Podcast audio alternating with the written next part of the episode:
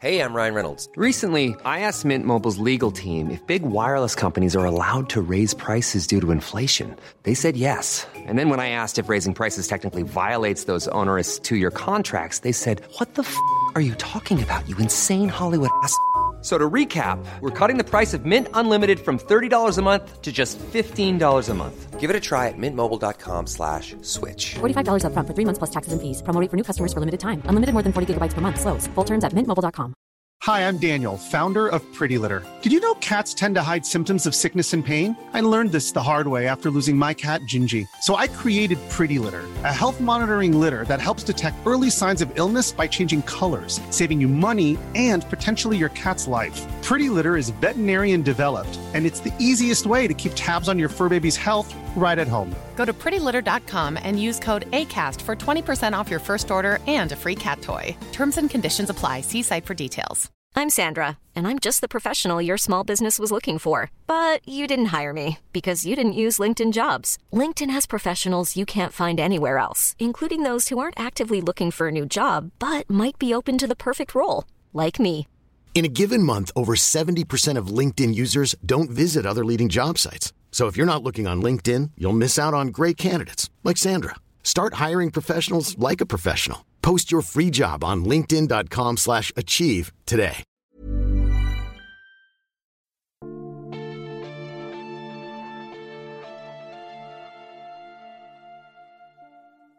Hej och välkomna till Sagan om Isfolket-podden Avsnitt 7 Spökslottet Jag heter Dan och med mig har jag Anna. Hej Anna!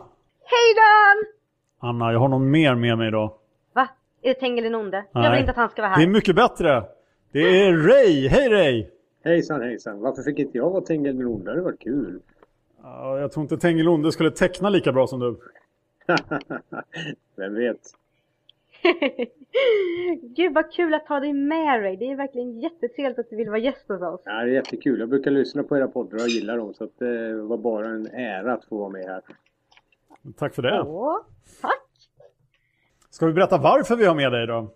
Du är- gör ju isfolksrelaterade saker. Ja, det gör jag. Eh, Jag och min fru gör ju de tecknade serier, Bummer och Margits fantastiska saga. Och det är väl därför jag är med kan jag misstänka. Och sen att jag just nu sitter och tecknar just Spökslottet. Det är ju en bra slump. Det är en otrolig slump. Helt perfekt. Det är faktiskt en slump. Vi ljuger inte om det här. Nej, det är så. Så här, ibland så spelar ödet en rätt i händerna. Men Ray, jag är jättenyfiken.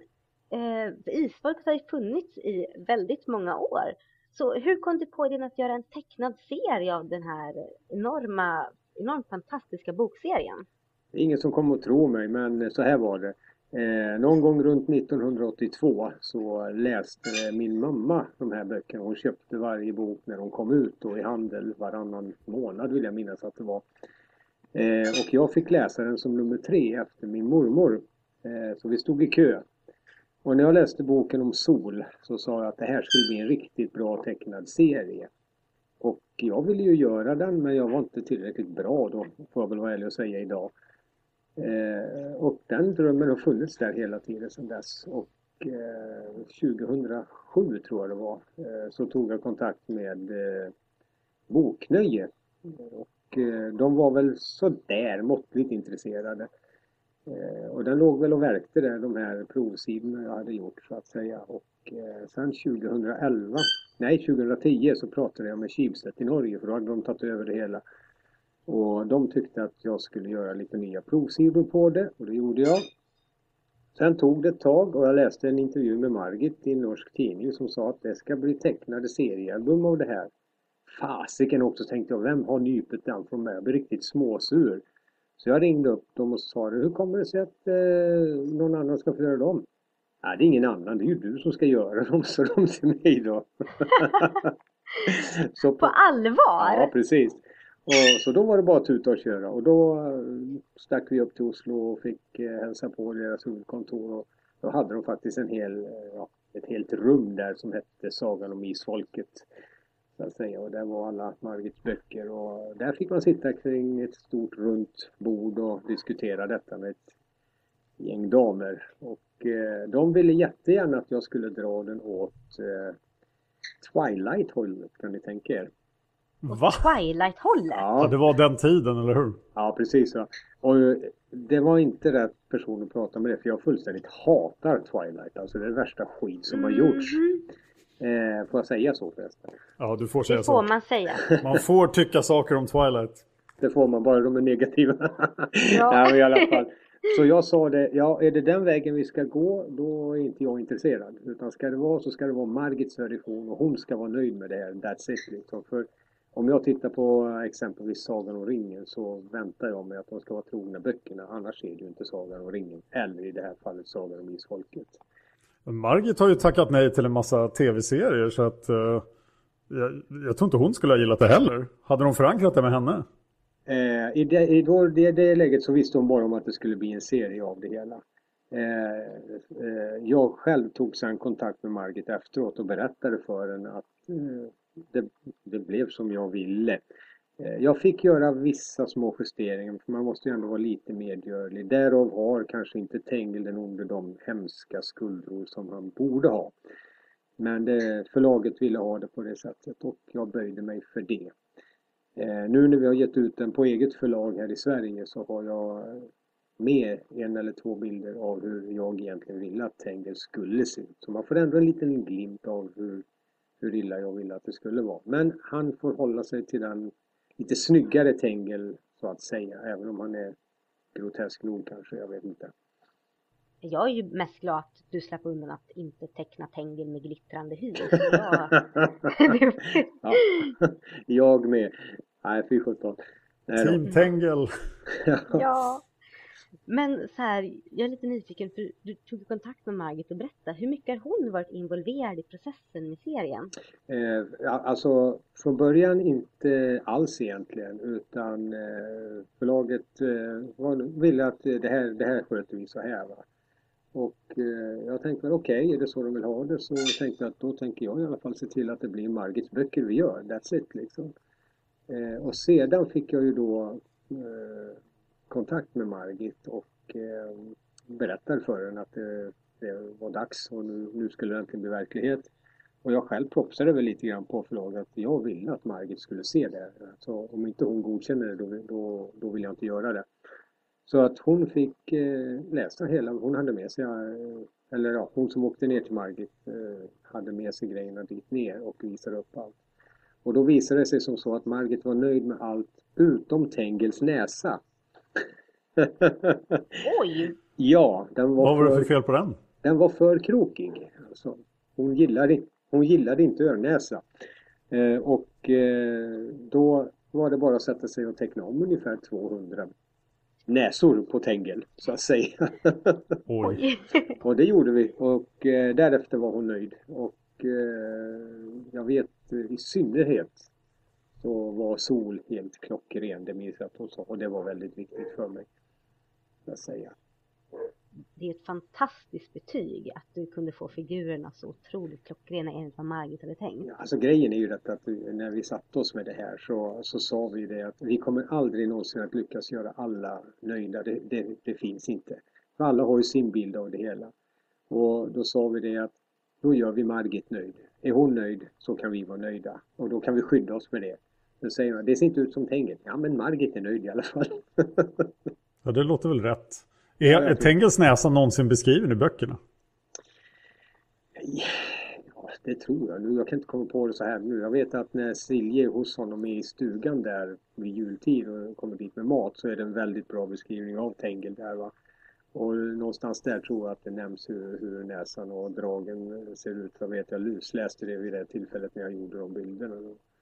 Och, eh, sen har vi ju då naturligtvis, ofta jobbar jag utifrån skådisar för jag tycker om, om sådana saker. Jag är lite porträttecknare också ibland. Och, eh, vi hittade en kille som heter Jason Momoa, om det är någon som vet vem det är.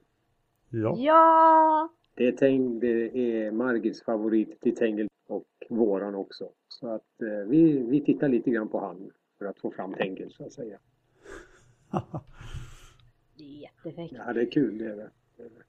Så det är ett drömjobb som tog 30 år att få, ganska roligt och envist. Så Tengel är alltså Kaldrogo? ja, precis. Ja, it all makes sense now. Ja, jag tycker det är lite extra intressant för på forumet, vår Facebook-forum, så är det uppe att eh, just Jason Momoa är Mar Ulvheiden. Så det ska bli spännande att eh, folk vet att nej, Jason Momoa är faktiskt Tengen. Ja, Ja. i alla fall enligt eh, oss och Margit. Och det roliga var när vi var nere hos Margit eh, förra sommaren så nämnde vi för henne att vi tycker att eh, Jason Momoa hade passat. Ja men det är därför jag tittar på Stargate för att det är han är ju perfekt. Säger hon då. Ja.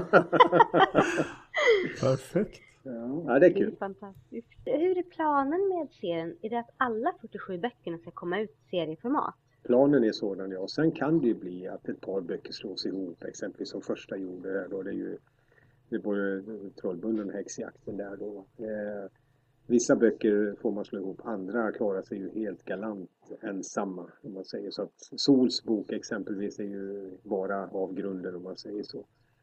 Eh, Hur många album räknar du med att det ska bli? Ja, vi, vi, mellan tummen och pekfinger så borde det kunna bli i alla fall minst 30 tycker jag. Lite mer kanske också. Det låter jättebra. Ja, jag tycker det och det är, det är lång framförhållning så att säga. Men det, det är något kul att göra. Ja, och de, hur ofta ska de komma ut?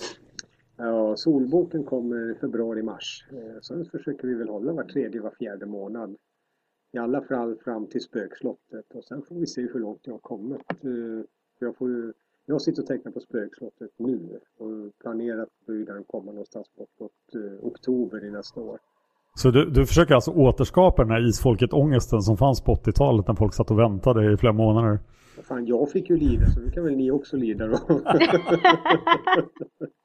ja, lite så. Lite så. Jag hoppas på det.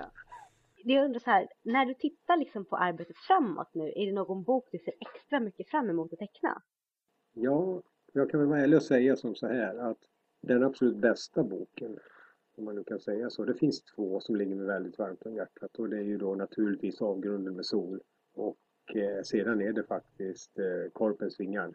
Korpens vingar alltså? Det- Hur kommer det sig? Ja, enligt mig så är den den mest absolut bästa bok som någonsin har skrivits. Alltså den är upplägget på den är perfekt, avslutet är perfekt och allt däremellan är ännu bättre.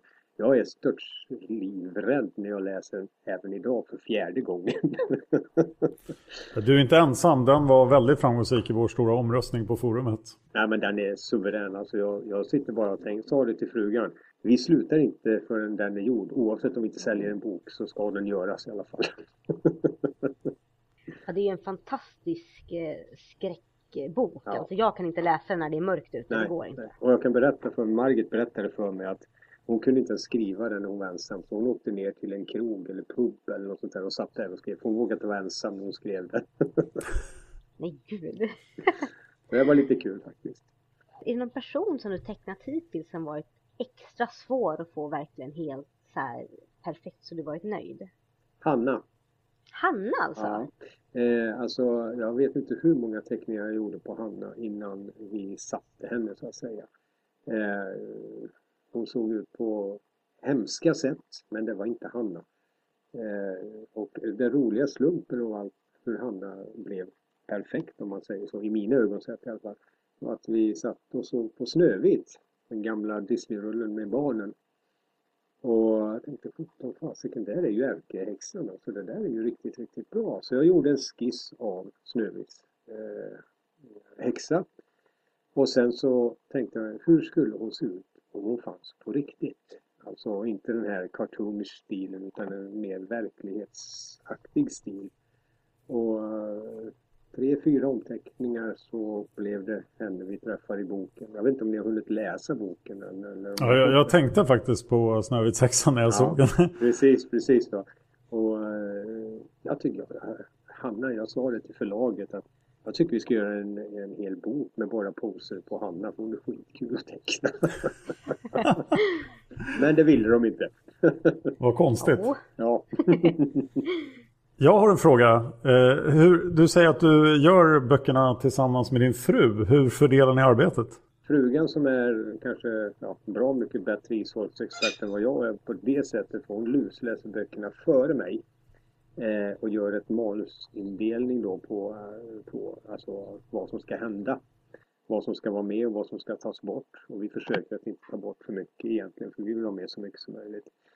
Eh, därefter så är det jag som sköter tecknandet och tuschandet och hur scener och allting ska se ut.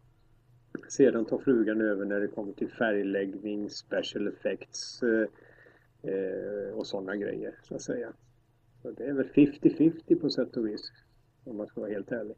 Vad roligt. Har ni gjort sånt här tidigare tillsammans? Nej, det är ju faktiskt isfolket som, eh, som är vårt första gemensamma arbete om man säger så. Jag vet när vi träffades så sa hon det att jag har precis läst en serie på 47 delar. Ja, vad tycker du om Tengel och Sol då? sa jag. Och hon tittade på mig. Hur visste du att det var den? Ja, fan, det är väl den enda som gjorde 47 delar, sa jag.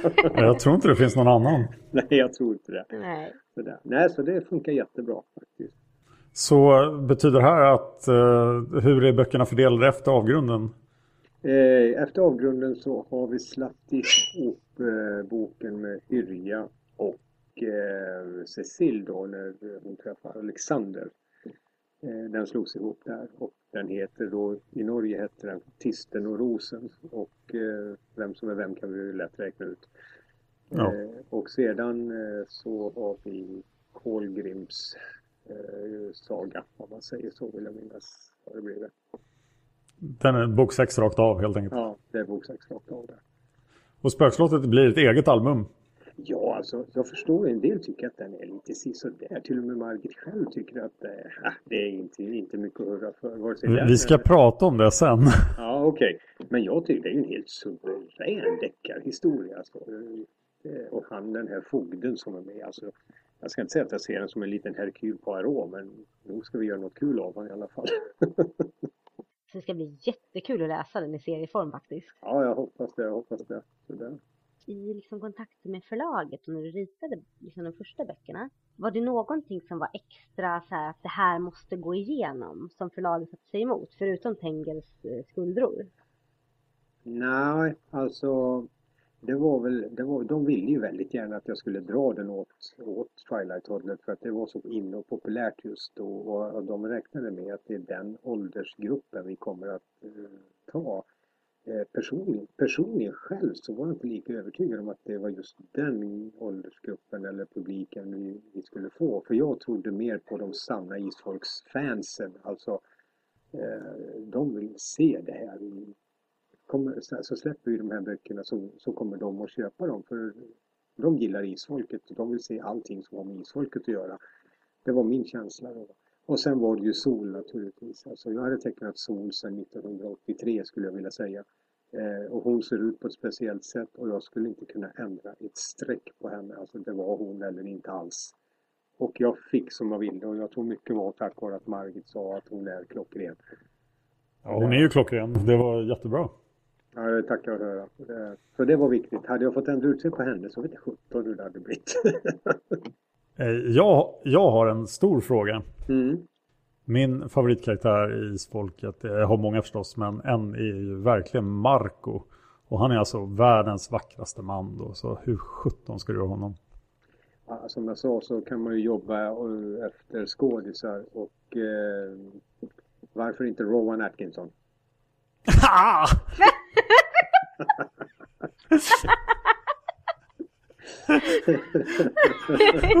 Oj, jag vet inte vad jag ska svara nu. Nej, Eh. Nej usch, jag ska inte skoja så. Jag, jag vet Nej, sånt sånt får du inte skämta om. Det är ju jättesvårt alltså. Det, det, jag vet inte. Jag, det får vi ta när vi närmar oss. Jag vet inte än idag. Jag kan ju tänka att Margit kanske bara slänger ur sig den här skådespelaren så blir det bara helt så här klockrent att det är klart det är den skådespelaren som är förebild. Man vet ju aldrig. Det kan ju bli så. Om hon inte säger Rowan Atkinson då. Ja, då får vi försöka styra henne åt något annat håll tror jag. Ja.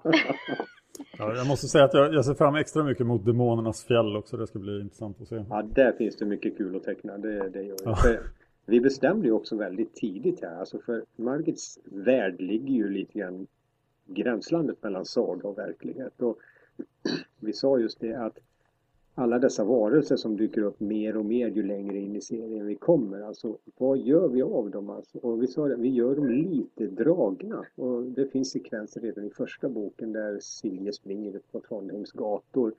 Eh, där sitter det en råtta jag tog första eller andra rutan och den har vi ja, förvärrat lite grann. Den ska se lite skräckjagande ut på något sätt. Och jag tror vi satte normen för hur de här karaktärerna kommer att se ut som är lite åt övernaturliga hållet så att säga.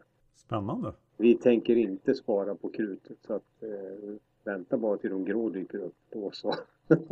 Jag tänkte precis på det, det grå folket kommer bli helt episkt att se i serieform. Ja, det kommer bli häftigt alltså. Och det kommer bli häftigt att teckna dem. Det, det, jag har redan den hängde mannen exempelvis, där, där har man vissa bilder av. Så eh, Tengil den onde var inte lätt. Han var väldigt svår att sätta in. Så att säga. Oj, ja det måste vara svårt. Alltså, grejen är ju det att han, han, alltså, han ska ju vara så fruktansvärt farlig, fruktansvärt ond. Är ändå väldigt kort, väldigt liten. Och, Jag, jag tänker bara på pingvinen från Batman. Jag hade faktiskt en tanke på honom eh, som lite förgrundsfigur men det gick inte alls. Eh, var väldigt, väldigt... Eh, nej, det var svårt att sätta men eh, vi lyckades till slut, tror jag. Det får ni avgöra men vi är ganska nöjda med honom i alla fall.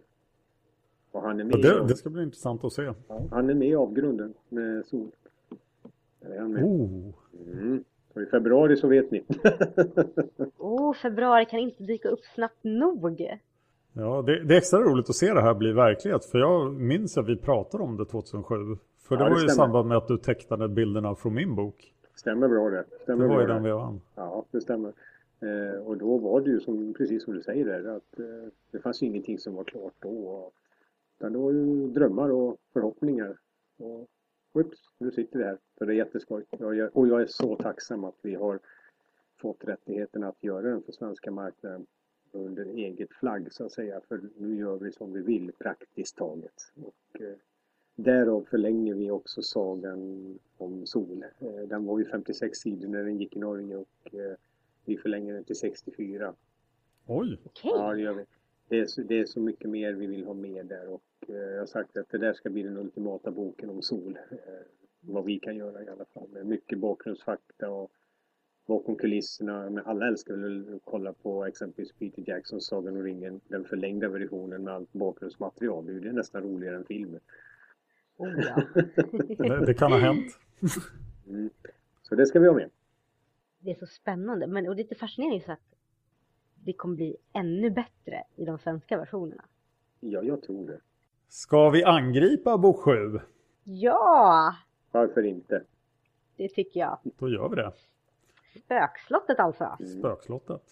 Och det här är lite spännande för att bok nummer sex slutar med en cliffhanger att åh, det här året så händer det mycket läskiga saker och det är så här hemskt. Så då väntar man att det ska vara det, men det blir det inte. Och eftersom Gabriella då fick en, ja, hon fick en halv bok så det är ju inte rätt, mer än rätt hennes tvillingbror Tankred faktiskt får en bok direkt efter. Ja, han får en hel bok däremot.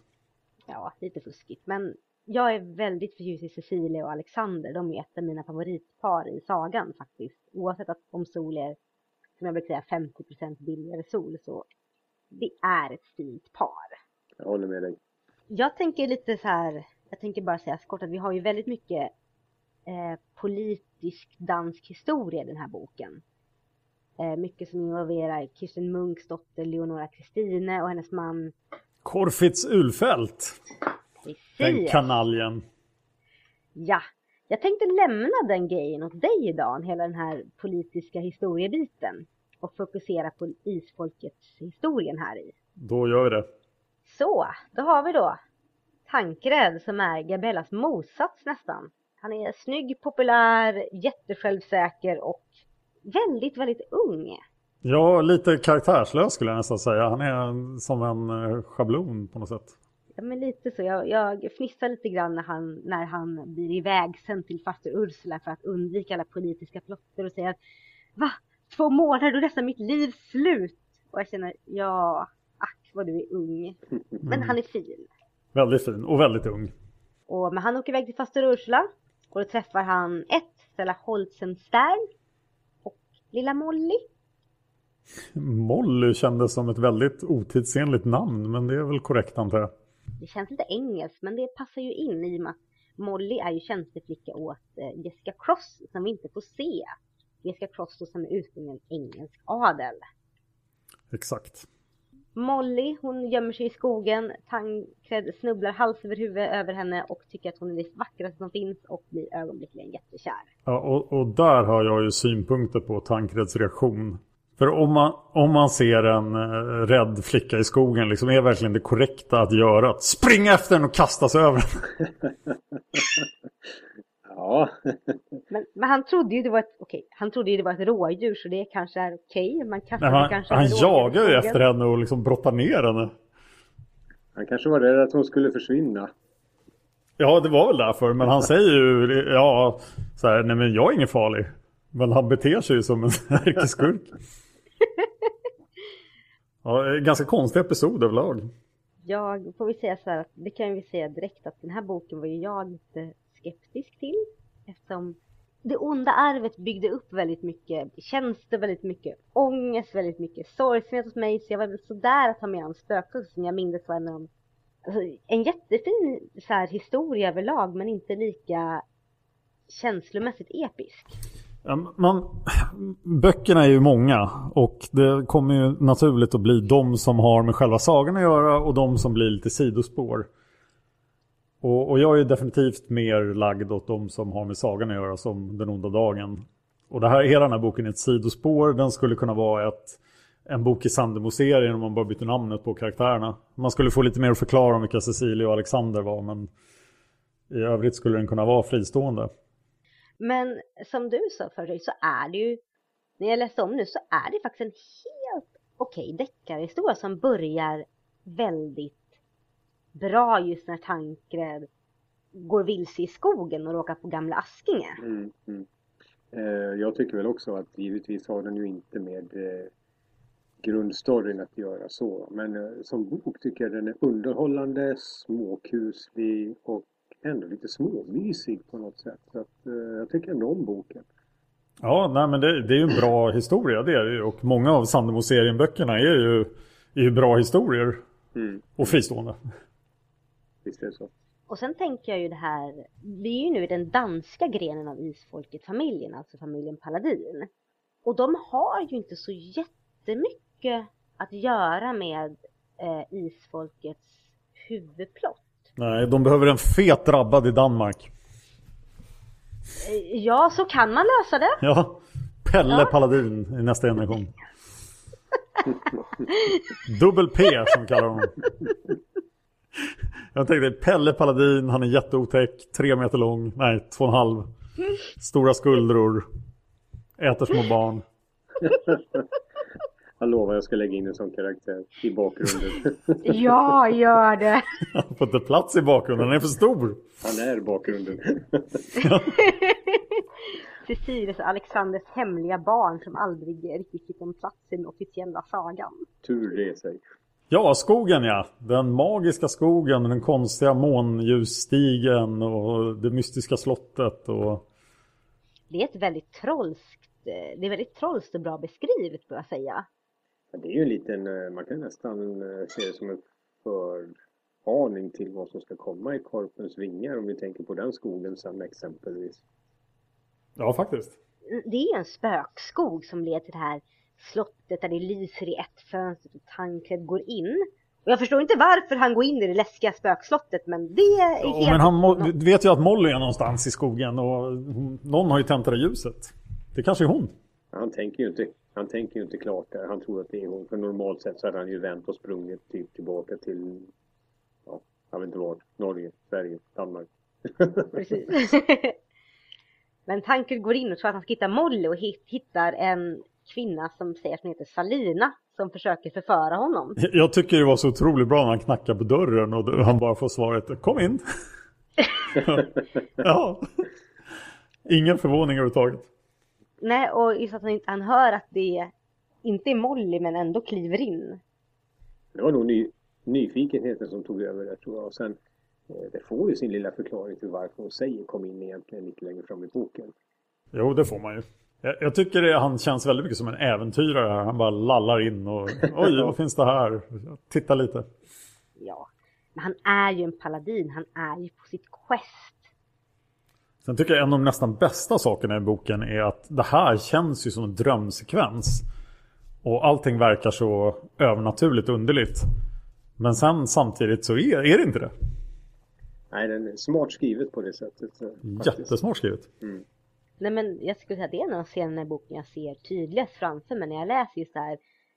Men att den är helt så här, den är lite dimmig i kanterna och man ser liksom då att så efter då att Salina fick förföra honom hur han tanke drömmer eller kanske inte drömmer de här läskiga sakerna. Han ser någon som dumpar något i en sjö och han tror att månen skrattar åt honom i en förbrängd dödsk. Eller sen vaknar han plötsligt utomhus utan minsta spår av något slott. Och man själv undrar, var det han som drömde eller vad tusan hände egentligen? Precis, precis.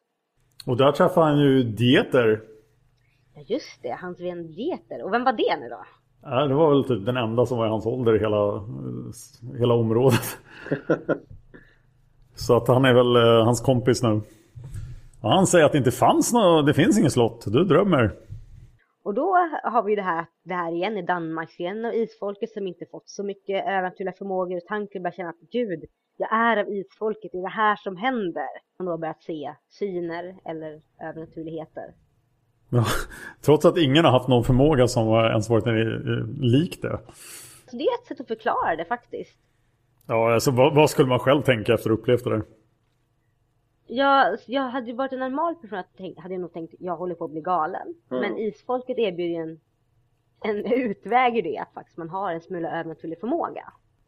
Sen kommer vi till Holzensterns Ja, som bor på Nyaskinge. och han pratar med dottern Stella som, ja, är vacker men rätt tom och platt. Och han får ju försöka få mer information om Jessica Cross och därigenom Molly. Och så dessutom får han reda på att det här slottet inte finns av en till källa. Så att det blir ännu mer klart att det är att han förmodligen kanske bara har drömt, eller vad var det som hände egentligen? Ja, det har ju hänt när man har vaknat på morgonen och undrar vad som hände dagen innan. Att... Många gånger man har vaknat på morgonen och ö- önskar att kvällen innan faktiskt bara var en dröm, men eh, ja. Berätta mera. Nej, det tar vi någon annan gång. Okej. En helt annan podd som inte behandlar mina fyllor.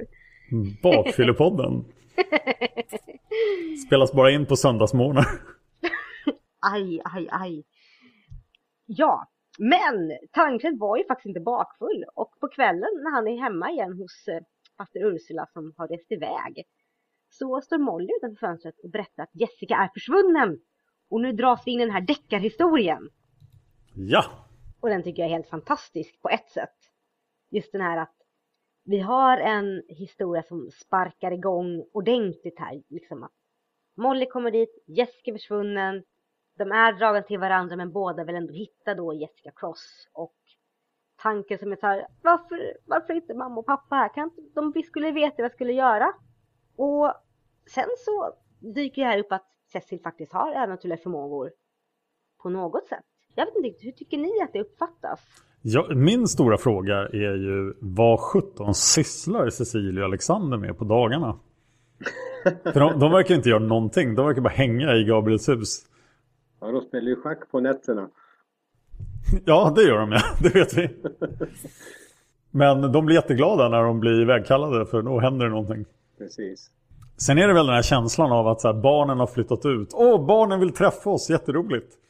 Hur vet du det? Jo, jag har en tanke om det. Ja, bra. Tänk ifall det skulle vara som ens egna föräldrar stod utanför dörren. Vi fick en tanke om att du vill vi skulle komma hit. Nej, det, det var nog bara ni. Tyst nu. Vill du gå in och lösa det här? Nu ska vi laga mat och umgås. Vi känner på oss att du vill det. Det kanske man kan använda som trick om man är förälder och vill träffa sina barn. Oh, bra grej. Men deckarhistorien avbryts ju för både Tankred och Molly blir ju förkylda. Det här tycker jag är ett rätt så här, lite fint ögonblick i boken för att det är så väldigt mänskligt att bli förkyld. Och så ligger de och skriver en massa gulliga lappar till varandra. Det är ju lite kul också. Det är jättesött. Ja. Och Bolly. Precis.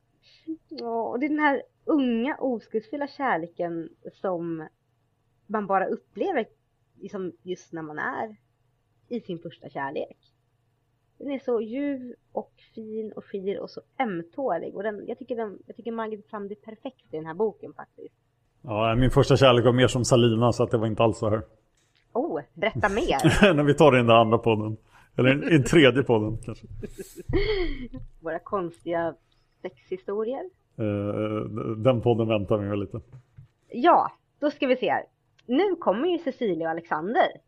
Och nu drar ju detektivarbetet igång på allvar. Ja, här tycker jag att Alexander visar framfötterna lite grann. Jag tycker det är kul att han får en lite mer drivande roll i den här boken faktiskt. Eh, han och eh, fogden som snart gör sin, sitt intrång om man säger så. Jag gillar, jag gillar dem som lite Sherlock Holmes och Watson. ja, det är sant. Det, det, är faktiskt en jättebra liknelse. Och jag tänker på det att eh, den här fogden är till skillnad från de flesta andra fogdar vi stött på hittills i Isfolket faktiskt en vettig och hyfsat smart människa. Mm, mm. Det är ju väldigt mycket de luskar fram här, liksom att gamla Askinge faktiskt fortfarande finns och ändå hittar den här döda kvinnan. Hur kom de på att slottet fanns? Fogden kände till det? Ja, det var det väl. Eller var det, det var Molly slash Jessica som kände nej. till det? Ja, det var Molly som sa att nej men det finns. Och sen begav de sig dit och hittade då den här döda kvinnan Salina inuti. Ja, de hittar ju rummet tomt och med den här falska dammet i. Precis. Och det tyckte jag var snyggt. Sedan här så, just det, vi har glömt den här lilla extra plotten. Den här kvinnan då som sa att hon hette Salina, som är namnet efter en häxa som sades hemsöka slottet. Ja, det verkar det ha hänt. Det verkar inte vara någonting som de har hittat på, att det fanns en häxa där en gång i tiden. Nej, precis. Hon hade verkligen funnits. Men den här kvinnan var ju inte alls häxan, utan det här var ju grevinnan Holzensterns syster som alla trodde hade lämnat landet. Men som visade sig vara en svår nymfoman. ja. Den är lite, den är lite spexig. Ja. Det känns inte som det passade in i, i storyn riktigt. Att hon skulle varit det. Det var därför hon var kvar men det får ju museet att flyta på väldigt snyggt. Ja, det, det var en intressant detalj. Men sen har vi då det här Tankreds dröm eller inte dröm. till exempel att han såg någon som, som dumpade någon i en sjö. De rider förbi en sjö och Tankred inser att fast den här sjön, den såg jag i drömmen. Och det är så mycket som visar inte vara en dröm. Det tycker jag är snyggt. Ja, det är jättebra. Det är planterat, det är snyggt skrivet. Så de tar ju och draggar för fogden är smart. Som tar att, nej men vi tar och draggar den här sjön för om någonting, nu har ju några saker i din drömtanke visat sig vara sant. Vad säger att inte allt det andra är det? Så de draggar i sjön. De hittar ett maskerat lik tillhörande en kvinna. Och alla paladiner, Cecilia, Alexander och Tankred säger det här måste ju vara den försvunna Jessica. Men... Det är Molly. Precis. Och vi har ett förväxlingsdra förväxlingsdrama deluxe här. Hur identifierar de att det var Molly? Ja, det var ju det att, jag menar varken Cecile, Alexander eller Tankred hade ju någonsin sett Molly. Men Molly var ju en välkänd karaktär i bygden. Så de andra, fogden och hans eh, medhjälpare visste ju mycket väl att det här är ju inte Jessica Kost, det här är ju Molly. Och här tycker jag att Tankred reagerar något fruktansvärt på att hon har ljugit om sin identitet. Ja just det, vad, vad, var det han, vad var det som hände där? Det här blir ju vansinnigt ja, bister på att hon har sagt att hon var Molly när hon inte var det. Han ser det ju nästan som ett svek, känns det ju som.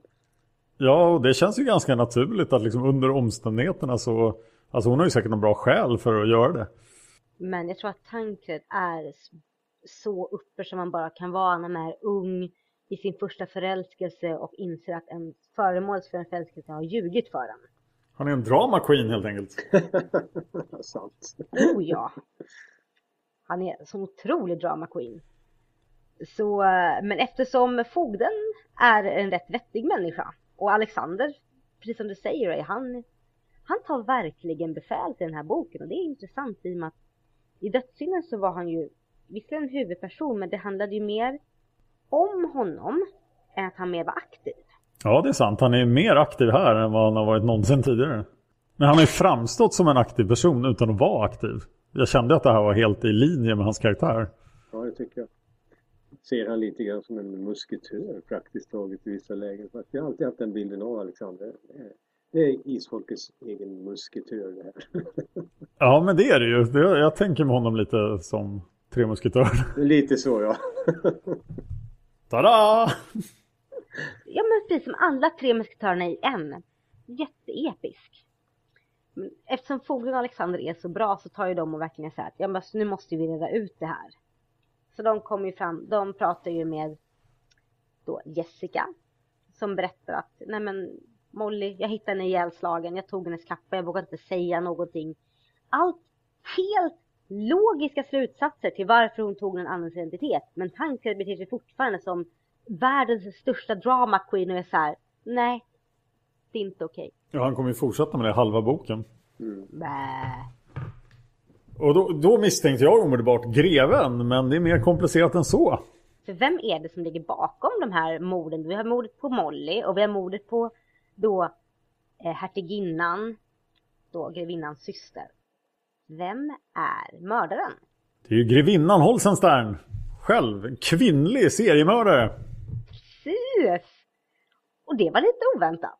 Ja, och det kändes ju inte som att vi hade sett någonting i hennes karaktär som hade tytt på att det var, det var så. Men eh, ja, det var en trevlig twist. Ja, om man tittar på boken så har ju Tanker ändå pratat en del med greven, han var ute och besökt familjen och grevinnan håller sig mycket i bakgrunden. Men när bakgrunden rullas upp att då greve Holstenstern har dels haft en affär med hertiginnan då, grevinnans syster som var en informan, och att han dels också blivit kär i Jessica och försökt våldta henne och det är därför hon och Molly flydde hela tiden. Och att grevinnan ville döda Jessica. Hon ville bli kvitt sin syster och hon ville döda Jessica men råkade slå ihjäl Molly istället. Då faller hela motivbiten på plats. Hur fick grevinnan reda på att systern var i slottet? Det upptäckte hon när hon gick dit, eller hur var det? Och det minns inte jag. Ärligt talat. Nej, jag minns faktiskt inte det heller. Då sitter jag och jobbar med boken nu. Det är ganska kul. Var, hur, var är du precis nu i, i teckningen? Eh, just nu så är jag eh, faktiskt, eh, när Tankred kommer till, vad heter det? Oj. Hjälp mig. Vad heter det i början? När han kommer... Till, till faster Ursulas? Ja, precis. Till Ursulahorn. Ja. Så att där, så vi har inte, jag har inte kommit så långt in i den teckningsmässigt än. Men manusmässigt är vi ju helt färdiga. Hade frugan suttit här så hade hon eh, sagt det direkt. Hon har stenkoll på det. De här slottsmiljöerna, och de måste ju vara väldigt jobbiga att teckna. ja du, tre timmar ungefär på varje slott. Jag blir galen på det. Men det, det blir bra. Tre timmar på varje... Hey, I'm Ryan Reynolds. Recently, I asked Mint Mobile's legal team if big wireless companies are allowed to raise prices due to inflation. They said yes. And then when I asked if raising prices technically violates those onerous two year contracts, they said, What the f are you talking about, you insane Hollywood ass? F- So to recap, we're cutting the price of Mint Unlimited from $30 a month to just $15 a month. Give it a try at mintmobile.com slash switch. $45 upfront for three months plus taxes and fees. Promo for new customers for limited time. Unlimited more than 40 gigabytes per month. Slows. Full terms at mintmobile.com. When you're ready to pop the question, the last thing you want to do is second guess the ring. At Bluenile.com, you can design a one of a kind ring with the ease and convenience of shopping online. Choose your diamond and setting. When you find the one, you'll get it delivered right to your door. Go to Bluenile.com and use promo code LISTEN to get $50 off your purchase of $500 or more. That's code LISTEN at Bluenile.com for $50 off your purchase. Bluenile.com code LISTEN. I'm Sandra, and I'm just the professional your small business was looking for. But you didn't hire me because you didn't use LinkedIn jobs. LinkedIn has professionals you can't find anywhere else, including those who aren't actively looking for a new job but might be open to the perfect role, like me. In a given month, over 70% of LinkedIn users don't visit other leading job sites. So if you're not looking on LinkedIn, you'll miss out on great candidates like Sandra. Start hiring professionals like a professional. Post your free job on linkedin.com/achieve today. Slott och vi har ju massa slott i den här boken. ja, det blir långa kvällar. Oj. Ja, de, alltså de vältecknade, de här stora bilderna när man eh, så att säga, ser väldigt mycket av slotten. Va? Då, då, när de ska vara riktigt, riktigt bra gjorda, då tar det ungefär tre timmar. Så att säga. Oj. Jag är ruskigt imponerad av dig Ray. Det är fantastiskt vilket arbete du lägger ner. Herregud. ja, tack, tack. Men vi får lämna det där hur grevinnan fick reda på det eftersom vi inte riktigt minns det. Men, Svara i kommentarerna ni som lyssnar. men eftersom då fogden är vettig, Cecilia och Alexander är smarta, så ja, de får ju ur grevinnan det här. De får ur en full erkännande ur henne och hon sätts bakom lås och bom och troligen död. För det är ju ändå, hon har ju några mord på sitt samvete. Ja, vi får aldrig veta vad som händer med henne. Jag tror att det hintas om att hon faktiskt blir avrättad. Ja, det, det, kan, det låter rimligt. Och då hennes man som faktiskt får straff för både äktenskapsbrott och försök till våldtäkt. Men här ser man också att det var verkligen grevinnan som var drivande i deras plan för att ta över Jessica Cross ägor. För hon äger ju Nya Askinge. För att när hon väl är borta då blir ju greven ett eh, mesigt fyllo och super ihjäl sig. Ja, det går inte bra. Sen vill jag bara så här innan så här, vi går vidare med stora huvudplotten igen att eh, det som fick mig att bli så här känslomässig under den här boken var ju grevinnans kusk. En till kusk i sagan. Ja, och som jag tycker så synd om. Eh, den här stackars kusken då som, ja, grevinnan slog ju ihjäl Molly och sen så band hon för Mollys ansikte och sa till kusken att ah, det är Jessica, kan du dumpa henne i sjön? Ja, vad grymt. Och kusken gjorde det och så var han kär i Molly så jag, jag tycker det var jättehemskt. Ja, det var tragiskt. Och sen skulle ju boken egentligen vara över då om inte Tankred var så himla sur. ja. Ah, gud. Det är så otroligt mycket tonårsgrej över honom.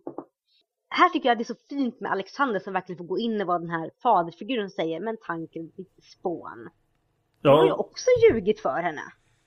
Fast det hjälper inte, det leder ju inte till någonting.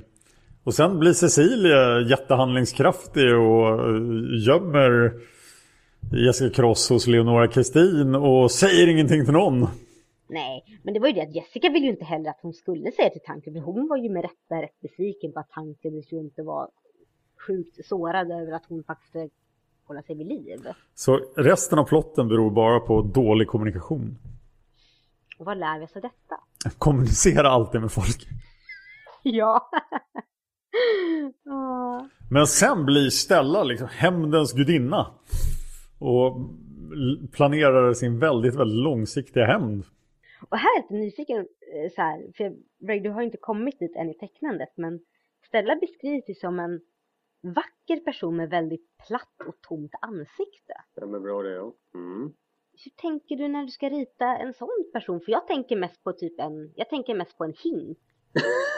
en, en porslinsdocka. En porslinsdocka skulle jag vilja säga. Det är vad jag tänker på. Alltså så här. Eh, och sen får man ju försöka få fram den känslan när man gör eh, karaktären så att säga. Vi har, vi har tecknat upp henne så att eh, vi vet hur hon kommer att se ut och eh, jag tror ni blir nöjda med det faktiskt. Porslinsdocka var en jättebra beskrivning. bättre, än, bättre än min bild av en hink i alla fall. Ja, det kan till en hämndgirig porslinsdocka. ja, precis. Men här går alltså i princip två år. Vad jag förstod. För jag tittade efter hur lång tid det var emellan. Och så Stellas plan är bara, jag ska hämnas sen. Och sen börjar hon verkställa den. Då har det redan gått jättelång tid. Ja, och får jag bara säga att det är världens sämsta nemesis-grej att om man heter Stella och dyker upp i då Jessicas, eller Lenora Kristins hushåll och tar sin namnet Ella. ja, ninja. Det är en väldans tur att både fogden och Alexander Paldin inte är på sitt detektivhumör här för de hade ratted her out in två sekunder. Mm. Det hade de nog. Men Stella verkar ju vara en sån här grå person som går under radarn verkligen som ingen tänker på. Ja, det gör henne väldigt läskig tycker jag. Mm. Men hon börjar ju dyka upp i hushållet, börjar förgifta Jessica. Jessica blir sämre och sämre. Ja, ingen bryr sig. Nej, för att det här är ett hushåll där de inte riktigt bryr sig om tjänstefolk. Och vi är tillbaka i Korfitz Ulfeldt-plotten igen. Mm. Uff, herregud ja. Dan, vill du eh, slänga lite snabbt två cent på det. Jag kan bara säga att Corfitz Utfeldts hela historia är ju helt vansinnigt intressant faktiskt. Att han gör verkligen alla de här sakerna. Och det märks ju att Margit tycker det också för hon har ju flikat in det mesta. Men eh, ja, han, han var en, en missförstådd statsman som hade väldigt mycket underliga saker för sig. Men hon eh, tar upp det ganska väl tycker jag. Som slutar sina dagar som eh, stor landsförrädare och, och i direkt kontakt med Karl X Gustav under, vid tåget över Stora Bält och sådär. Det är rätt imponerande historisk person faktiskt. Ja, väldigt spännande historisk person. Som man inte hört om innan man läste Isfolket. Nej, nej men det, det, det är väl mest danskar som känner till honom misstänker jag. Ja, sant. Men mitt i all detta, den här, den här politiska plotten och förgiftning så träffar Tancred och Jessica på varandra snabbt igen och Tancred som nu äntligen efter två år har växt till sig ber om ursäkt i brev och Jessica godtar det. Men hon blir ju sjukare och sjukare och sjukare. Och hon håller på typ att dö. Ja. Men då kommer ju Tancred som en riddare eh, se att det är jävligt illa ställt med henne och rädda med henne till Gabriels hus. Och detta är ju inte bra för Stella som nu blir snuvad på sin hämnd. Hon borde skaffa sig en hobby. Eh, ja, annan hobby än förgifta sina släktingar. Jag, jag, tycker fortfarande så här, det, det, det är någonting fel på henne som lastar Jessica för att hennes mor dödade hennes moster och försökte ha ihjäl Jessica. Och för att hennes far är ett fyllo. Det är klart det är något fel på henne. Hon försöker ju ta livet av folk. Hon är inte normal. Nej, gud nej. hon är en mördare helt enkelt. Ja, bortsett från att hon är en mördare. Det gör inte sånt. Det är inte bra. Det slår mig nu. Den här boken har så otroligt många eh, vad säger man, otroligt många handlingstrådar. Ja, det är verkligen ett deckarmysterie. Men jag, jag, tycker det är lite, dels tycker jag liksom deras Tankreds reaktion är så väldigt överdriven. Och sen det här alltså att det har gått två år och de har inte någonsin tänkt på någon annan. De har bara tänkt på så här, vad jobbigt det är att vi inte, eh, att det inte gick så bra. Men ingen av dem gör någonting åt det. Det blir patetiskt på något sätt.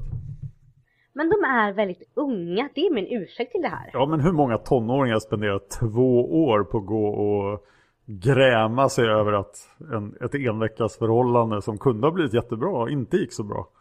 Det kan ju vara någon, eh, ja vad ska vi säga, absolut rätta kärleken och, som gör det. Ja, det verkar det ju vara. Det måste det ju vara. som sagt, det, det tog ju lite tid innan det verkligen blev på allvar. Jag tänker, jag tänker ta din, förklar, din eh, förklaring på det Ray. Det, det är äkta, äkta kärlek. Den sanna kärleken är det helt enkelt. Mm. Mm. Men Tankred har problem. Det är någonting som pågår med Tankred. Han behöver pengar. Han är på konstiga möten. Han, saker försvinner i hans rum. Han har inte samma relation med sina föräldrar längre. Det är någonting fel.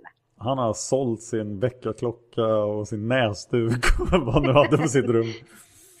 med tanke på att paladiner är så otroligt rika så måste ju grejerna vara värda en förmögenhet och ändå så är det fortfarande så att man behöver pengar. Ja, och det här känns ju också som någonting som man kanske borde tala med sina föräldrar om. Precis, men det kommer ju upptäcka senare varför man inte kan tala med sina föräldrar om det. Ja. Men innan dess så ställs ju Jessica inför ett jobbigt val för den här, den här kusinen och hennes man. Just det. De eh, hamnar ju i lite politisk blåsväder, eller hur Dan? Ja, de måste ju dra och den här eh, underliga personen som håller på att ange folk, den här kvinnan som jag nu spontant inte kommer ihåg namnet på. Hon är också en historisk person som faktiskt gjorde alla de där sakerna och eh, man förstod aldrig riktigt varför. Ja, det känns inte som hon vann på det heller för hon blev ju avrättad. Ja, så att eh, kanske var något psykiskt problem eller något för att det, det ledde ju till ganska kraftiga komplikationer i Danmarks styre många personer som inte alla hästar hemma i den här boken. Ja.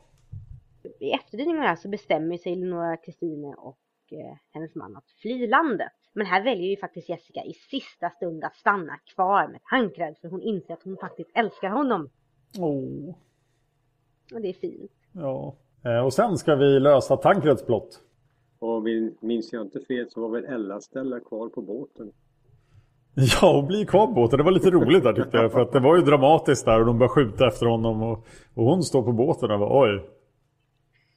Men jag skulle inte iväg till Holland. Vad ska jag göra där? Mitt liv går ut på att döda Jessica Cross. Hon behöver verkligen hitta en hobby. Ja, hon borde ha rökt på lite i Amsterdam och lugnat ner sig. Chillin. Ja, men nu tar ju faktiskt Tancred och berättar för Jessica vad det är. Ja, hon Och- springer och skvallrar direkt. Ja, för vad är det som, vad är, det som är Tankreds stora hemlighet han inte kan berätta för sina föräldrar?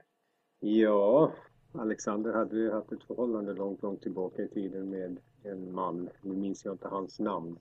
Hans. Barth. Så hette han ja. Och det var väl det som, eh, det var väl Hans Barth som utpressade Tancred, om jag minns det hela rätt så att säga. Ja just det, så var det ja. Det stämmer. Han hade väl något, nu kommer tillbaka, han hade väl något brev han hotade att visa om precis, inte... precis, stämmer. Och han verkar ju ha etablerat en hel affärsverksamhet runt det här. Så han håller på att utpressa massa folk. Jag får ju säga att jag förstår ju verkligen tanken. Jag menar om vi tänker på det här, vi är inne på 1600-talet. Homosexualitet är fortfarande en synd. Och han får reda på att hans far har haft en älskare och det här kommer kanske komma ut. Men han vet inte om det är sant eller inte, eller vad han ska tro, eller vem han ska tro på. Han vill bara skydda sina föräldrar. Ja, men han vill inte prata med dem. Nej men jag förstår att han inte kan prata med om det. Han är ju en paladin och måste lösa det här på egen hand. Alla paladiner har lite grann klara sig på egen hand syndromet. Ja, paladinkomplex. Men Jessica eh, springer och skvallrar för Alexander och Cecilia. Ja. Och då blir det fart på Alexander. Ja, han är så aktiv i den här boken. Här är han lite för aktiv faktiskt. Springer och hämtar pistolen och rider iväg. I sann musketöranda. Ja, Faktiskt, jag hör den episka musiken i bakgrunden när man läser den scenen. och här tror man ju att det ska bli eh, shootout. Ja, men lite så. Musk musketör meets Clint Eastwood alla western på något sätt. Mm. Men det blev det inte. Nej, det, Hans Barth utpressade lite för många och någon annan passade på att mörda honom. Ja, med kniv så att eh, Alexander klarar sig dels undan det och dels så det är lite snopet för jag hade, jag vet inte.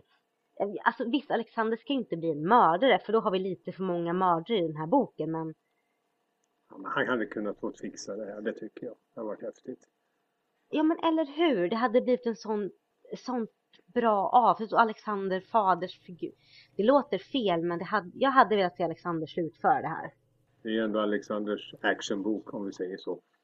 Men det var tur att han inte gjorde det för eh, deckarfogden är där omedelbart. Och tillsammans börjar de eh, reda ut vem det var som mördade Hans Barth. Och bränner breven och allt det där. Det var väldigt... Ja, de hade en väldigt bra kommunikation mellan sig. Fogden och Alexander. Precis, som sagt, en av de vettigare fogdarna i historien så här långt. Ja, den vettigaste utan tvivel skulle jag säga. ja, stackars Tancred som då får berätta för sina föräldrar vad han så här, vad som har hänt och de lappar ihop saker och det, det är fint faktiskt att faktiskt kommunicera. Bokens budskap, kommunicera för i helvete! Ja, jag tror det är bokens budskap, absolut. Hur ser fogden ut, Ray, i boken? Vi har gjort en del teckningar på honom och eh, han har varit eh, väldigt barsk i sitt utseende och han har varit väldigt korpulent i sitt utseende som vi har strykit direkt för frugan sa det, det är för sjutton inte Herkyl du ska teckna. Eh, så han ser, han ser ut alltså eh, väldigt, väldigt barsk, väldigt eh, hårdför men då inte är precis som alla de här eh, brukar vara. Så att vi har kanske hållit oss lite grann till hur klichén är på, på, på en sån här fogde. Men att låta hans karaktär istället vara att han är, han är faktiskt ganska, det är, det är, det är en snubbe man gillar. En, en tuff, hård eh, kille men, eh, men eh, mjuk och ärlig insida. Så skulle jag vilja beskriva honom. Ja, det låter bra. Jag ser jättemycket fram emot att se honom. Vi har missat en sak. Vi har missat en sak. För när man behöver, när man behöver mera isfolk så kommer de. Och Mattias gör den här jättesnabba resan mellan Norge och Danmark. Och var ju där när eh, Jessica mådde dåligt. Ja just det ja! Ja, med sina varma ögon och läkarskills. Jag hade helt glömt bort Mattias. Ja, det är ju för att han dyker upp som gubben i lådan och sen försvinner han igen. Precis. Ja. Det kändes nästan som en sån här nödanknytning till Norge-historien. Att så här, ja, ni läser fortfarande Isfolket. Kolla, här är en isfolk. Kan ju mycket väl vara så på ett sätt. Ja, han, nästan så att han kändes instoppad. Jag, jag kommer återkomma till det senare i sagan. Men det finns ju böcker som... Ja, det finns ju en bok som Margit har erkänt att hon bara stoppat in i sagan. eh, Okej. För, som var skriven innan. Oh, vilken då? Eh, Det kan vi komma tillbaka till när vi kommer till den. Okej. Men det är ju flera andra som jag känner att det här var böcker som hon hade liggande. Så var hon tvungen att möta deadlinen för Isfolket. Så bara konverterar hon den till Isfolket. Spännande. Och eh, det här, det här känns kanske lite som Mattias är instoppad bara för att visa att det här är verkligen Isfolket. Ja, det är lite hastigt så jag därför nog han helt försvann ur mitt medvetande när jag läste boken. Men sen är det dags för bröllop! Ja! Stort bröllop. Jättefint. Alla är glada. Alla är fulla. ja, och de har ju verkligen inte rört vid varandra överhuvudtaget. Åh, de är så tonåriga. Ja, och så Paladiniga. Ja. Och det är världens sämsta start på, på bröllopsnatten. Ja, det tyckte jag var jättelustigt faktiskt. Men precis som med förkylningen så gör det här så otroligt mänskligt på något sätt. För det är inte perfekt. Nej. Ja, jättebra. Det är så här, väntat i 22 år eller vad det är så, så går det nog fort. Jessica blir ju ändå gravid och allting är jätte, jättefint och jättebra. Cecilia och Alexander ska bli farföräldrar och allting är jättevackert och det kan ju inte gå fel, eller vad säger ni? Nej, det kunde ha slutat där. Och... Men vi har en tråd kvar. Ja, just det ja. Stella. Mördarställa! Nu med ett nytt vapen. Ja, hon dyker upp där. Ja, av Var det någon anledning så är hon en jättebra skytt också. Hon har haft tid att öva. Ja, men det lät ju som att hon alltid hade varit. Det kanske var det hon gjorde som fick henne att vara så tråkig. Hon tänkte bara på skytte hela tiden. Eller så skaffar hon sig den här som hobby i Holland. Det kan ha varit. Holländskt skytte. Vanlig hobby. Och nu får vi faktiskt en shootout! Nästan. Ja, men det, och, alltså, hon är ju verkligen helt totalt käpptokig här. ja, Stella, Stella. Ja, men till skillnad mot, eh, alltså så här, det här är ju verkligen ett deckarögonblick. För här vet vi faktiskt att det var betjänten som sköt. Ja, Wilhelmsson. Mm. Vilken kille. Och där måste jag fråga, Ray, Mm. för Wilhelmsen är en av de karaktärerna som är med, som inte är av isfolket, som inte är ingift men ändå har väldigt stor betydelse som förtroendeperson Ja. i Danmark. Hur, hur var det att rita honom? Eller hur var det liksom att teckna honom? Eh, alltså Wilhelmsson han var ju, har ju varit med, var ju med i flera böcker där och eh, det var egentligen inte sådär jättespeciellt med att eh, teckna honom utan eh, vi valde att följa Margits beskrivning så nära vi kunde. Vi fick ju leta i alla böcker han var med och så plocka lite här och där. Och säga varför Margit är all ära men hon, hon kan vara lite dålig på att beskriva karaktärerna ibland har, har jag sett. Och sen byter de hårfärg. De byter hårfärg lite titt som tätt tycker jag. Det, det är lite besvärligt. Som Silje, hon eh, var nötbrunt hår i början som blev koppar, eh, nästan kopparrött färgat. Och, eh, vad heter han, våran paladin. Han var, ensam var han mörk och sen var han helt plötsligt inte alls mörk. Och, så det är lite svårt det där. Mm, men Wilhelmsson, Wilhelmsson i alla fall, vi gjorde honom så nära beskrivningen som möjligt och han ser ut som en riktig betjänt. Vad fint. Ja, Det var betjänten som gjorde det. Ja, det Jag får ändå säga så här att där var ju liksom, med Stellas död så slutar hela detektivplotten. Eh, men att Stella, trots att hon ändå är sån platt karaktär på ett sätt liksom, som beskrivit utseendemässigt så är hon ändå väldigt intressant. Och vi har bara haft kvinnliga nemesis, för- förutom Hans Bart. Men två av tre är kvinnliga antagonister, vilket jag tycker är väldigt intressant i den här boken. Ja, det är väldigt intressant. Mm. Hon känns lite grann som om ni har sett den här filmen med eh, Michael Douglas, Farlig förbindelse, för, kommer väl på 80-talet. Ja. Eh, hon känns lite grann som henne där, Glenn Close i slutet. En riktig garning. Oh, du, när du, nu när du säger det så, det, hon är ju, Glenn Close i den filmen är ju riktigt, eh, riktigt galen ja. Precis, precis. Eh, då, då kan man även säga att eh, föregångaren till den filmen var ju Clintons Play Misty for Me. Och där är hon en ännu mer bindgalen kärring. Så se den om inte ni har sett den. Och den ska jag se. Ja. Apropå gamla 90-talsfilmer så tänker jag på Handen som gungar vaggan och Rebecca de Mornay. Där har du väl, Oh. där har du väl just en iskall eh, porslinsdock eh, Ja, look, hon skulle ju kunna så. spela Precis, Stella. precis. Men nu är ju allt i princip frid och fröjd. Ja, men det finns en liten sak kvar. Ja, ja just det. De fick, jag fick ju sitt barn i den här boken, en liten, liten flicka. Var det någonting mer? Ja, eh, Tancred är ju soldat. Så han är ute där och vaktar mot de leda svenskarna som är söder om Danmark också. De har ju omringat Danmark det här laget.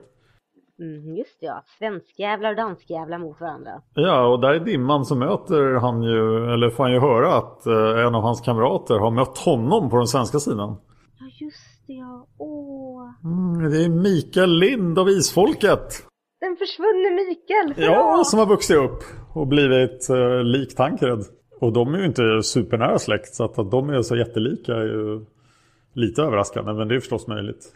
Jag kan också berätta att den här boken är ovanligt tom på fel. Så under tio års felsökande så har ingen hittat några fel i den här boken. Det är inte illa. Ja, det saknas faktiskt en tråd på forumet om fel i Spökslottet.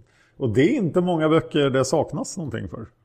Nej, så sj- sjunde boken är helt fri från fel. Ja, det är väl skrivet. Och så tycker Margit att den inte är så bra. Ja, ja, Ja. ja. det ser man. Ja, jag, den har ju, jag hade också ångest inför att läsa den här för jag kom ihåg den som en riktig så här, mellanbok och det är ju en riktig mellanbok men den var inte lika illa som jag minns. Men jag är ändå, jag vill tillbaka till Gråsensholm, jag vill veta mera. Och jag får säga att för mig, det som bar upp den här, ja det är en mellanbok, det går inte att komma ifrån. Men tanken och Jessicas kärlekshistoria, trots draman, trots brist på kommunikation så är den fin för den är så fruktansvärt mänsklig. Och oskuldsfull. Väldigt oskuldsfull. Och sen tycker jag faktiskt att eh, när man läser de här böckerna nu, eh, när man vet vad som komma skall, alltså det övernaturliga kommer mer och mer och mer. Än så länge är det alltid naturliga förklaringar till det mesta. Men man ser att det stegras ju hela tiden. Och, eh, så det gillar jag med den här boken, att det är lite mer så här övernaturliga känslor i den. Och sen eh, Alexander och Fordens eh, samspel. Jag tycker det är riktigt, riktigt bra faktiskt. Mm. Ja, det är roligt när bipersonerna lyser. Ja, och faktiskt. det dyker upp någon som bara är bra sådär. Som kunde varit en helt trist, intetsägande karaktär men som inte är det. Sen vill jag ju säga det också att eh, även nästa bok eh, är ju också en sån här lite mellanbok om man säger så. Men den är, tycker jag är väldigt ruggigt bra. Eh, med tanke på den här varulvskopplingen och allt det. Men det är väl den som kommer... Får vi inte avslöja någonting om den? I och för sig, vi har redan spoilat massor. Så. Sorry, sorry, förlåt. Eh, vi har fått in lite synpunkter från eh, folk på Isfolksforumet. Så att ni som lyssnar på det här, ni ska gå till isfolket.se, klicka på forum och vara med på vårt forum där vi pratar Isfolket sedan 2005. Woho! Eh, och den första personen som har lämnat en synpunkt där är faktiskt Ray. Jag ska vara överallt. jag, jag ställer frågorna till dig igen så får du improvisera i huvudet. ja. Eh, vad tycker du om Spökslottet? Ja, jag, som jag sa, jag tycker det är en bra bok. Jag tycker den är kul. Eh, den kanske inte har så mycket med själva isfolkets grundstory att göra. Men den är underhållande. Det är en skön deckarstory och den har myspyset i sig. Så den ska man läsa när det regnar ute. Tycker jag. Vilket är ditt favoritögonblick i boken? Nu kommer jag väl svara fel emot vad jag gjorde innan då. Men Jag lovar inte rätta dig. ja, jag tycker väl det. Favoritögonblick är väl när han går på den här spökstigen i skogen och han kommer fram till slottet och ser det lyser i fönstret. Alltså man ryser bara man tänker på det. Så att, ja, Det är rätt svar. det där, så där. Ja, sen var det frågor. Har du några frågor till Ray? Så att det, det blir bara konstigt om du svarar på. ja, det låter vi bli. Men då går vi vidare till nästa person som har svarat och det är Heike. Eh, på frågan vad tycker du om spökslottet? Så svarar hon, jag gillar den inte särskilt mycket alls faktiskt. En mellanbok som inte för handlingen framåt överhuvudtaget. Jag faller inte alls för Tancreds påstådda glada charm, istället framstår jag mest som tom och lite korkad. Jag borde läsa om boken snart för att se mina intryck ändrat sig sedan sist. Bokens bästa ögonblick? Ja, det skulle vara när Tancred träffar Mikael då. Det är alltid fint med återföreningar och även fast jag kan reta mig på att Tancred frågar sig lite om viktiga saker så är det ändå en fin stund. De pratar aldrig med varandra. Här? Nej. De är mest bara wow, vi är släkt. High five. Frågor då till Ray. Eh, och hon frågar, trots att jag genom åren följt Rays arbete med serierna på forumet har jag dålig koll på vad statusen är just nu. Är det ett seriealbum per bok? Är alla album klara? Och var kan man köpa dem? Okej, vi börjar med den första. Alltså om det är ett seriealbum per bok så eh, när, ja, när det krävs. Eh, ibland så slår vi ihop två böcker men helst så ska vi försöka ha ett album per bok. Eh, men det kommer att slås ihop några stycken. Det blir. Så svar är mestadels så kommer det vara ett, en bok per album. Men det kan komma att hända att några slås ihop. Så. Ja. Och var man köper dem, ja, får jag göra sån reklam här? Lättast Det får du absolut göra. Lättast är väl att gå in på saganomisfolket.com eh, och eh, där eh, skicka in en mail till oss att ni vill beställa boken eller förhandsboka Sols bok som också går nu. Och de hundra första får ett specialtryck av allas vår Sol Angelica. Och där kan man hitta information om hur du köper böckerna. Ja, jag har ett specialtryck av Tengel den gode. Från Blev- bok 1. Blev du nöjd med den? Ja, jag blev väldigt nöjd med den. Tack.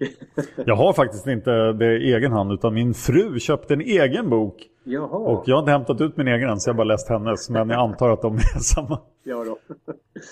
Nästa person är Silje Arngrimsdotter som svarar Vad tycker du om Spökslottet? Jag har alltid gillat den här boken. Den är kanske inte lika bra som de sex böckerna före den men det är mycket intressant här. Bland annat att höra om historiska personer som Leonora Kristine och Corfitz Ulfeldt. Egentligen är hela serien en bra historielektion. Första gången jag läste boken tyckte jag också, tyckte jag också att den var väldigt spännande. Och Tankred och Jessica är väldigt söta tillsammans. Bokens bästa ögonblick, det är när Tankred möter Mikael. Dessvärre får vi vänta en stund till innan vi får höra mer om Mikael. Spoiler! Ja, det kanske var väntat. Favoritkaraktär, det är Jessica. Har du några frågor till Ray? Eh, jag översätter från norska här så att jag, det är därför jag stannar till helt plötsligt. Eh, finns det några, ja, var det inte så att det fanns några scener i den svenska utgåvan som inte var med i norska? Jag blir nyfiken på vilka de här scenerna är och då antar jag att de menar eh, Ah, Okej, jag Den förstår. första boken. Ja, den första boken. Jo, det stämmer. På grund av att den norska, norska versionen är på 56 sidor och den svenska är på 64. Så det finns lite mer gottigt att gotta sig åt i den svenska versionen. Det gör det, yes. Men Är det några scener alltså som inte är med? Ja, det stämmer. Eh, bland annat eh, finns det en sekvens med i den svenska versionen med anfallet mot Isfolkets dal. Eh, som Oh. inte finns med i den norska versionen. Eh, så att det finns lite smått och gott som är och sen är det mycket nytecknat alltså som vi har rättat till, finslipat och gjort mycket, mycket bättre. Så att, stort sett så är den svenska upplagan en bättre bok än den norska. Förlåt Norge. Det låter som ett väldigt gediget arbete. Ja, det här är vårt eh, hjärtebarn, får man säga så. Det, det här måste bli bäst. Så bäst vi kan i alla fall. Hur lång tid tar det att teckna en sida i genomsnitt? ja, alltså säg en dag på att teckna den och sen en halv dag på att tuscha. Så en och en halv dag. Sen så får frugan ta över. Men då, då har ju hon sitt schema att följa. Va? Så för mig så tar det en och en halv dag att göra färdigt en sida från eh, vitt papper till färdigtuschad och klar. Oj. Ja, det tar tid, det gör det. Men ja, det är ju isfolket så det, det, det är helt okej. Det ska bli jättekul att gå tillbaka till Sols bok nu och, och rätta till den. Och i ärlighetens namn jag känner mig lite som Peter Jackson. Ja, men du är lite som Peter Jackson. Ja, men inte, inte lika rund. Nej, och du, du, din, din författare är fortfarande i livet och kontaktbar. Det måste Ja. vara en fördel. En mycket stor fördel, man kan få väldigt goda tips därifrån. Ja. Eh, hennes sista fråga har vi faktiskt besvarat så jag hoppar till hennes avslutning. Och då säger hon, jag har sagt det många gånger förr, men jag är verkligen superimponerad över dina teckningar och gläder mig mycket inför de nya äventyren. Ja, det tackar vi för. Vi ska göra allt vi kan för att göra er, så många av er som möjligt nöjda i alla fall. Jag har lite svar från Paladin som jag har fått in via Facebook. För Paladin befinner sig i Kanada. Paladin, alltid ute och reser. Precis, och hon svarar så här. Jag är ett stort fan av Spökslottet, tycker den är så sjukt läskig så jag brukar försöka planera in att bara läsa den i dagsljus. Om det funkar, det är ju omöjligt att lägga ifrån sig boken. Min favoritkaraktär är Tankred. Han är så charmig och rolig och samtidigt så naiv som man skäms. Mina favoritscener är lite udda. Jag gillar när Tankred sköter om Jessicas blödande sår och inte ber någon kvinnlig vårdpersonal om hjälp för han tror att hon skulle tycka det var pinsamt. Så bakvänt liksom. Hon vill ju bara vara perfekt för honom. Och så gillar jag när betjänten skjuter Stella i slutet. Att han hjälper Jessica så villkorslöst. Ja, det är lite udda. Och också när Jessica berättar för Alexander att Tankred blir utpressad och det första Alexander gör är att ropa på Cecile. Och hon är såklart redo att handla och kämpa för sin son med näbbar och klor och Jessica blir överraskad. Åh, en så fin, fin familj det är. Ja, det är nog min bästa scen egentligen. Och sen så har hon en fråga till dig Ray. Eller flera. Eh, hon undrar vilken karaktär du tycker det varit allra svårast att teckna. Så här långt så blir ju det Hanna då, för att få helt rätt. Det får jag säga. Vi får väl se vad som kommer längre fram, men i dagsläget så ja, Hanna. Och sen har hon en sista fråga här. Eh, följer dina serier böckerna helt exakt eller är det några ställen du får skarva om och ändra för att så att säga på plats? Alltså nej, de, de följer ganska, ganska exakt. Jag skulle säga att de följer dem till 98 procent.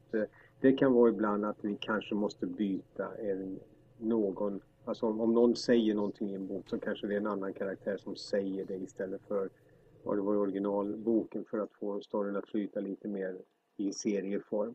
Det kan också vara att vi tuffar till vissa saker. Alltså just om vi tittar på nästa bok, Sols bok, för våran del nästa bok, så gjorde vi ju som så att eh, mannen som eh, Liv gifte sig med, om ni minns den trevlige saten, så, ja. ja. så förvärrade vi honom lite grann i boken i och med att vi kan visa det i bild, alltså det blir lite tydligare. Vi förvärrade honom men vi gjorde också att Sols eh, hämnd eller avslut på honom blev också bra mycket värre än vad det är i boken. Så att eh, det gjorde vi. Eh, men vi har ändå följt eh, absolut så nära vi kan. Men vissa sådana där grejer, det är väldigt få gånger vi gör det. Men just där gjorde vi det för vi ville måla upp han som det jävla svin han var. Och han skulle också få det han fick förtjänade. Och det fick han. Låter väldigt bra. Mm. Jag kom på en fråga till faktiskt. Om du sitter och jobbar med spökslottet nu, mm. vilket skick är den onda dagen i nu? Är den klar eller? Den vad onda, händer med den nu? Onda dagen? Det onda arvet? Ja, det onda arvet med ja, den, är ju, den är ju färdigutgiven i Norge då. Eh, men vi kommer ju givetvis att gå tillbaka på den med och eh, göra förbättringar och tillägg. För vi ska upp alla böckerna på 64 sidor. Eh, så att säga. Så vi kommer nu i första december så går jag tillbaka till Solboken och då börjar vi jobba på den i en månad för att göra den redo och färdig för tryck då så att den ska vara klar i februari-mars. Och sedan fortsätter jag på Spökslottet och jobbar med den ett par månader och sen går jag tillbaka till eh, nästa bok. Och så håller det på så tills vi är framme vid eh, Spökslottet och sen kör vi bara på så att säga. Så man skulle kunna säga att det är 6 till 8 år kvar ungefär? Det skulle man kunna säga. Om inte vi tycker att ska vi inte förlänga det lite till? Fan. Har vi väntat i 30 år skulle inte ta slut efter 8 år. Nej just det, sen kan ni alltid göra Häxmästaren och Ljusets rike. Ja just det, ja. då tar det 20 år till. Jag har alltid undrat hur främlingarna ser ut. Ja, eh, nu ska jag erkänna någonting som kanske inte ska erkännas. Men ljusets, ljusets rike har jag aldrig läst. Oj! Nej. Ja, du kan vänta till vi börjar podda om det. Det är väl nog ungefär två år kanske. Gör jag så. Mm. Nej, tre år. mm. Ja, det var nog allt för idag då. Ray, tack så jättemycket för att du ville vara med. Det har varit en otrolig ära att få vara med dig och så jävla roligt. Och jag får säga att det var underbart kul att få vara med och få berätta om hur, hur vi gör och få svara på lite frågor. Det är alltid skoj. Och jag lyssnar alltid på era poddar och ja, helt plötsligt så får vi vara med igen också. Jättekul. Ja, det är otroligt kul att ha dig här och, och följt den här resan hela vägen. Och att att, att du var så enveten och verkligen bestämde dig för att göra det här och gjorde det. Jag är mycket imponerad. Ja, det är fantastiskt. Jag förstår, de brukar folk säga att jag är envis, men vadå 30 år är inte så länge att vänta. Nej, tänk på hur länge Tengil fick vänta. Ja, precis. Ställa sig. Ja, 30 år var ingenting. ja. ja, jag kan väl säga som så att jag ser fram emot när det är dags för att göra Korpens vingar. Jag kommer att sitta eh, limmad och jag kommer att sända mer frågor än vad ni har tid med, jag lovar. ja, det ser vi fram emot. Vi kan ju till tittarna också, säga, eller lyssnarna säger också att vi siktar ju fortfarande på att göra bok 17 live i, på Gotcon i påsk 2016. Så att har ni vägarna förbi Göteborg i påsk så kan ni se mig och Anna eh, göra det här framför era ögon. Det kommer säkert gå jättebra. Och alla som är närvarande kommer bli utsatta för prov då för att se om de är värdiga att dricka ur godhetens källa. Alltså inte den andra då, inte det svarta vattnet om man... Eh, ja, det kan vi ta vid sidan om lite grann. Vi kanske ska ha två olika rum så att man kan gå till. Oh, jag gillar det. Ja, vi har, vi har tid på oss att planera det här. Det kommer bli jättebra. Ja, nej men det här var alldeles för roligt. Det här kan vi hålla på med länge. Men nu ska vi nog sluta. Ja, tack så jättemycket. Så får ni alla ni andra ha det bra. Tack och hej då med er allihopa. Hej då.